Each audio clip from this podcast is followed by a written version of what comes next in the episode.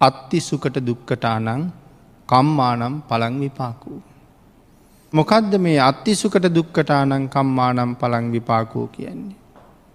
පින්නතුන මේ ලෝකයේ අපි කරන හොඳ වැඩවල හොඳ විපාකයක් තියෙනවා. නරක වැඩවල නරක විපාකයක් තියෙනවා. ආං ඒක පිළිගණ්ඩ නෑ. සමහර කෙනෙක් කතා කරනවා එහෙම එකක් නෑ. මොනව කෙරුවත් කමක් නෑ කොහොම හරි ජීවත්වෙන්න යෝනේ. හොඳ නරක කියල දෙයක් පින් පව් කියල දෙයක් ලෝකෙ නෑ කියලා කතා කරන අය අපි ඇතර ඉන්නවා. එනම් අත්ති සුකට දුක්කටානම්. අපි මේ ලෝකෙ ඉපදිලා මේ විඳින සැප සහ දුක් මේ දෙකටම සංසාරික හේතුවක් හේතුවක් තියෙන බවයි මේ සඳහන් කරන්න හදන්න. කර්මය කර්ම පලය පිළිගණ්ඩ ඕන කියන එකයි මෙතන සඳහන් කරන්න. එතකොට මේ ලෝකෙ ඉපදිච්චාය මේ පින්වත් පිරිස ඔබ අපි සියලු දෙනාම සත්ව ලෝකයේ මිනිස්සු හැටියට ඉපදිලා ඉන්නවා. සමස්තය පොදුවගත් හම අපිත් සත්ව කොට්ටාසයක්. හැබැ අනික් සත්වයන්ට වඩා බොහොම උසස් මානසිකත්වයක් තියෙන මේ සත්වලෝකෙන් මිදිල සසරින් මිදිල සදහටම එතරට යන්න පුළුවන් හැකියාවක් දියුණු කරගන්න පුළුවන්කමක් තියෙන උසස් සත්ව කොට්ටාසයක්. එහෙමනගේ උසස් සත්වයෙන්ගේ ගනයට නැතන් ඒ මනුෂ්‍ය කියන ගණයට අපි ආවේ සංසාරය මොන මොනවාගේ පින් කරලා තියෙන නිසාද. ඒ කාරණාව සඳහන් කළා විශේෂයෙන් කෙනෙකුගේ ඊළඟ භවයක උපත තීරණය කරන සාධකය තමයි සීලය. ඊළඟට කොහෙද උපදින්න කියන එක තීරණය කරන්නේ සීලය. ඉපදුනාට පස්සේ ලැබෙන්ඩ ඕනෙ මොනවද කියන කාරණාව තීරණය කරන්නේ දානය. එමනං ඕන තරං දන්දීල උපදින්න කොහෙද කියන කාරණාව තීරණය කරන්න බැරුව යනවා. දානයෙන් කෙරුවේ ඉපදුනහම ලැබෙන්නේ මොනවද කියන එක තීරණය කරන්නට. ඉපදුනාට පස්සෙ තමයි දානී ආනිසංස විපාක දෙන්නේ. ඒ දානයේ ආනිසංස ලබන්ඩ අපි කොහෙරි උපදින්ඩෝනෑ. එනම් උපදින්නේ කොතනද. මනුස්ස ලෝකෙ තියෙනවා දිවිය ලෝකෙ තියෙනවා බ්‍රහ්ම ලෝකෙ තියෙනවා සතර පායත් තියෙනවා. මෙයින් කොහෙද උපදින්න කෙනෙක තීරණය කරනවා සීලය. එහෙමනම් මනුස්ස ජීවිතයක් ලබාගත්ත ඔබ මම අපි හැම කෙනෙක්ම සංසාරය මේ උපත ලබන්ඩ තරං ප්‍රමාණවත් සිල් රැකල තියෙන බව අපි හැමෝම ආඩම්බරයෙන්ම සිහිපත් කළ යුතු කාරණාවක්. මනුස්ස ජීවිතයක් ලබන්ඩ අවශ්‍ය වටපිටාව අපි සසර හැදවා. ඒ නිසා මනුස්ස ජීවිතයක් හම්බ වුණා. එනම් ඒ පෙර සිල් රැකපු කුසලයක්. එතකොට පින්නතුන මේ අඟ පසඟ අපිවට කියනවා ෂණ සම්පත් කියලා. ලෝකෙ දුර්ලභම කාරණා සඳහන් කරනකොට ෂණ සම්පත් එයින් එක. දුල්ල බංච මනුස් සත්තා. ලෝකෙ දුර්ලභම කාරණා හතරෙන් එකක් මනුෂ්‍ය ආත්ම භාවය තැන් එහෙනම් අපිට ඒක ලැබුණ. බුද්ධ පාදෝච දුල්ලබා එනම් අපි වෙනම පින් කලා වෙන්ඩ බැරිද ඒ මනුෂ්‍ය ආත්ම භාවය බුද්ධෝත් පාද කාලයක තීරණය කරන්නට. එන ලෝකයේ තවත් පරම දුර්ලභ කාරණාවක් බුදු කෙනෙක් පහළ වෙච්ච යුගයක උපදින්ට ලැබෙන එක. තැන් එහෙනම් පෙර සිල් රැක්ක විතරක් නෙමෙයි තවත් බොහෝ කුසල් කරලා තියෙන්නේ මොකටද බුද්ධෝත් පාද කාලයක මනුස්ස ජීවිතයක් අරගෙන උපදින්ට. දුල්ල භාෂණ සම්පත්ති. ඊළඟ දුර්ලභ කාරණාව ෂණ සම්පත්. මොනෝදේ ෂණ සම්පත් කියල කියන්නේ. මේ ලෝකෙ සමහරාය ඉපදිලා ඉන්නවා කතා කරන්න බෑ. තවාය ඉපදිලා ඉන්න කං එහෙන්නේ නෑ. තව පිරිසක් ඉපදිලා ඉන්නවා ඇවිද ගණ්ඩ බෑ. මෙන්න මේ මේ විදිහේ ආබාධිත සහිතව ඉපදිච්ච අය තව පිරිසක් මන්ද මානසික එහෙම ඉපදිච්ච පිරිසක් අපි දකිනවා. දැන් එහෙම අය අතර දැන් ඔබ ඔබ ගැන කල්පනා කරලා බැලුවොත් මටත් කතා කරන්න බැරිද කියලා. මගෙත් කං ඇහෙන්නේ නැද්ද කියලා. මගෙත් ඇස්පේන්නේ නැද්ද. මාගේ පංචේන්ද්‍රිය රෝගී භාවයෙන්ම යුක්තද එකැන මේවාගේ රෝගවලින් යුක්තද. නැත්තං අපි කතා කරන විදිහේ නිරෝගී භාවයකින් යුක්තද. කතා කරන්න බැරි අය උපදින ලෝකයේ අපි කතා කරන්න පුළුවන් වෙලා ඉපදුනේ ඒගොල්ලන්ට වඩා වෙනම පින් කරලා තියෙන නිසා. කං ඇහෙන්නේ නැති අය ඉන්න ලෝකයේ කං ඇහෙන්නන් බවට පත් වනේ අපි වෙනම විශේෂ පින්කං කරලා තියෙන නිසා. ඇස් නොපෙන උන්නෝ නොපෙනෙන්න උන් ඉන්න ලෝකයේ අපි ඇස් පේන අය හැටියට ඉපදුනේ අපි ඒ සඳහා විශේෂ පින්කං කරලා තියෙන නිසා.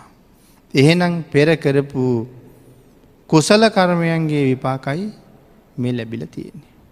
දැම් භාග්‍යතුන් වහන්සේගේ දේශනාවත් එක්ක මේ කාරණාව තව අපූරුවට විග්‍රහ වෙනවා.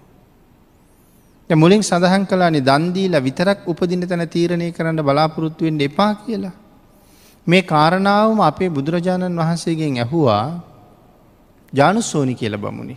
ජානුස්සෝනි තමයි යහන්නේ ස්වාමීනී මෙ දන් දෙනකොට. සිල් නැතුව දන් දුන්න හම මොකද වෙන්නේ. අපි රැස් කරලා අනුමෝදන් කරන පින් මිය ගියායට ලැබෙනවද. කොහොමද ලැබෙන්නේ. ඒ සූත්‍රයේම භාගිතුන් හස විස්තර කරලා දෙනවා ඒ පින් ලැබෙන හැටිත්. ඒ වගේම සිල් නැතුව දන්දුන්නොත් මොකද වෙන්න කියන කාරණාවත්. එනම් සූත්‍රයේ සඳහන් කරලා තියන්නේ කොහොමද සිල් නැතුව දන්දුන්නොත් මොකද වෙන්න කියලා අපි දන් දෙනවා ඕන තරම්. හැබැ අපි සිල් ගැන සැලකිල්ල නෑ. සිල් නැතුව දන්දුන්න හම පින්නතුනී තිරිසං වෙලා ඉපදෙනවා. ඒ දන්දුන්නු හින්දද සිල් නැති හින්දා. හැබැයි තිරිසං ලෝක ඉපදුනත් දුන්න දානය අහක යනවද තිරිසනාට හරි එක ලැබෙනවා. ආංගේ ජානුස්සෝනි සූත්‍රයේ පැහැදිලි කළා සුනකයෝ වෙලා ඉපදෙනවා. අස්සයෝ වෙලා ඉපදෙනවා. ඇත්තු වෙලා ඉපදෙනවා. සුනක ලෝකෙට ගියොත් එහෙමයි. සත්ත ලෝකෙට ගියොත් එහෙමයි. එතකොට ඔය ඉපදයින ඔක්කොම සුනකයෝ එහෙම ඉපදිච්චායිද. නෑ. තව සුනක වෙන ක්‍රමයක් තියෙනවා. දන්නවා අපේ ඇය. මානේන මක්කටෝ හෝති. මාන්නයේ තියෙන අය මැරිලා වඳුරෝ වෙලා ඉපදෙනවා කියලා කියනවා. මානේන මක්කටෝ හෝති. අතිමානේන කුක්කුටු. බොහෝම මාන්‍යයෙන් ඉදිමිච්චාය සුනකව වෙලා ඉපදෙනවා. සුනකයන්ගෙන් සාමාන්‍යයේ මාන්නක්කාර බවත් දකින්නත් දකින්නත් තියෙනවා. බලන්නක සමරලාට ගොල්ල ඕන තරන් ඔය පාරවල්වල එහෙම නිදියනවා. රෑට උදේ පාන්දරට. සමහර සුනකව වාහනයක් ගිහිල්ල මේ පෑගෙන් එනකම්ම නැගිටලා යන්නේ. අපි පැන්නුවත් එයාට ඕන හැටියට නැගිටලා ඇඟ මැලි කඩලා ඇඟ ගසාදාලා එයාට ඕන හැටියට යනවා මිසක් මේ බයි පැන්ල දුවන බව පේන්නේ පේනෙ නෑ එතනමත් තියෙනවා තවත් ඒ මහා මාන්නක් කාරකමක්. එනම් එහෙමත් සුනක වෙලා ඉපදෙනවා. එතකට මේ දන්දීල සුනක වෙනවා. ඒ කොහොමද සුනක වෙන්නේ. සමහර ගෙවල්වල අපි පිඳතුන් දැකල තියෙනවා තවත් විශේෂ සුනක වර්ගයක් ඉන්නවා. මේ ධර්මශ්‍රවණය කරන ඔබේ ගෙවල්වල මෙහෙම අය ඕන තරන් ඕන තරන් ඇති. සමහර සුනකයෝ මනුස්සයකුට වඩා සැප විඳිනවා. සමහර සුනකයන්ට යාන වාහනත් තියෙනවා. අපි වාහනයක් කරගත්තහම සමහරලට අපි මයි පදවන්නේ. සුනකයන්ටත් වාහන තියෙනවා සමහර ගෙවල්ලොල හැබැයි වෙනම රියදුරෙකුත් ඉන්නවා. ඒ ඇයි ඒ එයා සංසාරය දීල තියෙන තරම්. කෑම දෙනකොට යට හොඳට මස් මාංස ලැබෙනවා. සුප් වර්ග හම්බ වෙනවා. බෙහෙත් හම්බ වෙනවා. හොඳට නාවනවා. සුවඳ ගල්වනවා. ඇඟ පිහිනවා. මොන තරං සැලකිලි දක්වනවාද. අපි හිතුවේ නැති වුණාට සමහර වෙලාවට දරුවෙකුට සලකනවට වඩා වඩා සලකනවා. අම්ම අසනීප වුණොත් වයසට ගිහිල්ලා. තවම බස් එකේ යන්න පුළුවන්නන්. අම්ම සමහර වෙලාට පාරට ගෙනහිල් ඇරල්ලා එනවා අම්ම බස් එක ගිහිල්ල බෙහිට්ටි කරගෙන්ට කියලා. සුනකය ආසනීප වුණොත් වාහනයක් කරං යන්ඩම වෙනවා. මාසකට රුපියල් එක්දස් පන්සියක දෙදාහක බෙහෙත් අසනීප ඇතත් නැතත් දෙන්නම දෙන්නම වෙනවා. එහෙම සැපවිඳින සුනකිවෝ. සමහර ගෙවල් වල අම්මලා තාත්තලා මළමුූත්‍රා වෙලා සෑහෙන වෙලාවක් ඇඳ උඩ. ඒ මුත්‍රා වැඩි වෙලාවක් ඇඳී තිබුණ හම තැම්බෙනවා. තැම්බෙලා තුවාල වෙනවා. වයිසක දෙමවපියෝ එක්තැන් විච්චාය පිට පැත්ත යට පැත්ත තුවාල විච්චාය හරියට හරිට දකිනවා. ඇයි දරුවන්ට ඒකට යෙදිලා ඒ වෙලාව කරන්න වැඩේ කරන්න කාලවෙලාව මදි නිසා. සමහරය උදේ මල පහ වෙලා හැන්දෑ වෙනකං එහෙමමයි.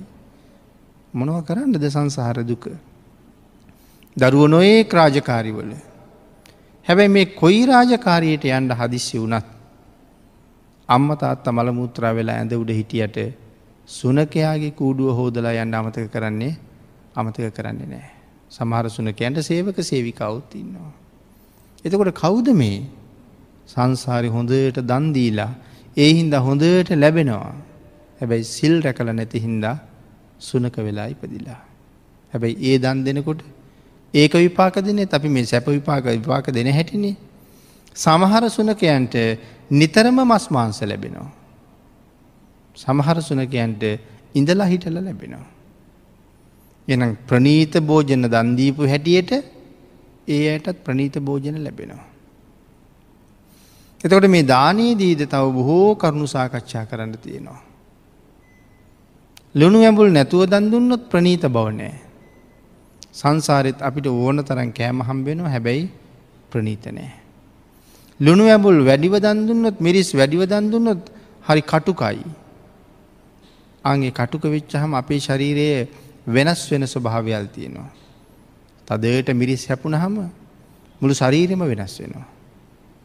එන සංසාරය අපිට උපදිනකොට විපාක දෙනකොට ඒ වෙනස එහෙම්මම විපාක දෙනවා. මේ අත්තිසුකට දුක්කටානං කම්මානම් පළං විපාකෝ කියන කාරණාව සාකච්ඡා කරන්න පුළුවන් අපේ ජීවිතය හැම්ම පැත්තටම එකතු කරලා.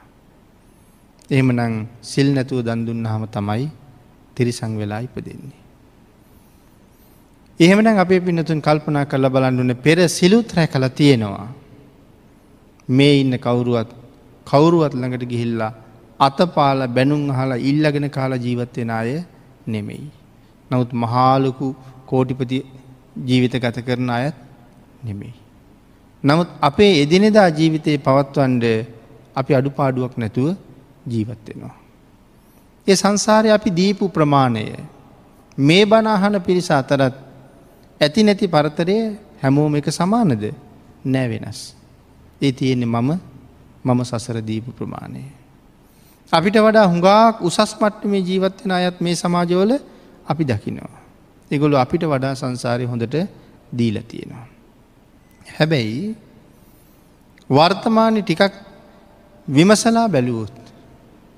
බොහෝම හොඳට හරිහම්බ කරගෙන සැපයි කියන මට්ටමෙන් ජීවත්වෙන අය. මේ ජීවිතයෙන් දෙන්න පෙළමිලා තියෙනවා බොහොම බොහොම අඩුයි.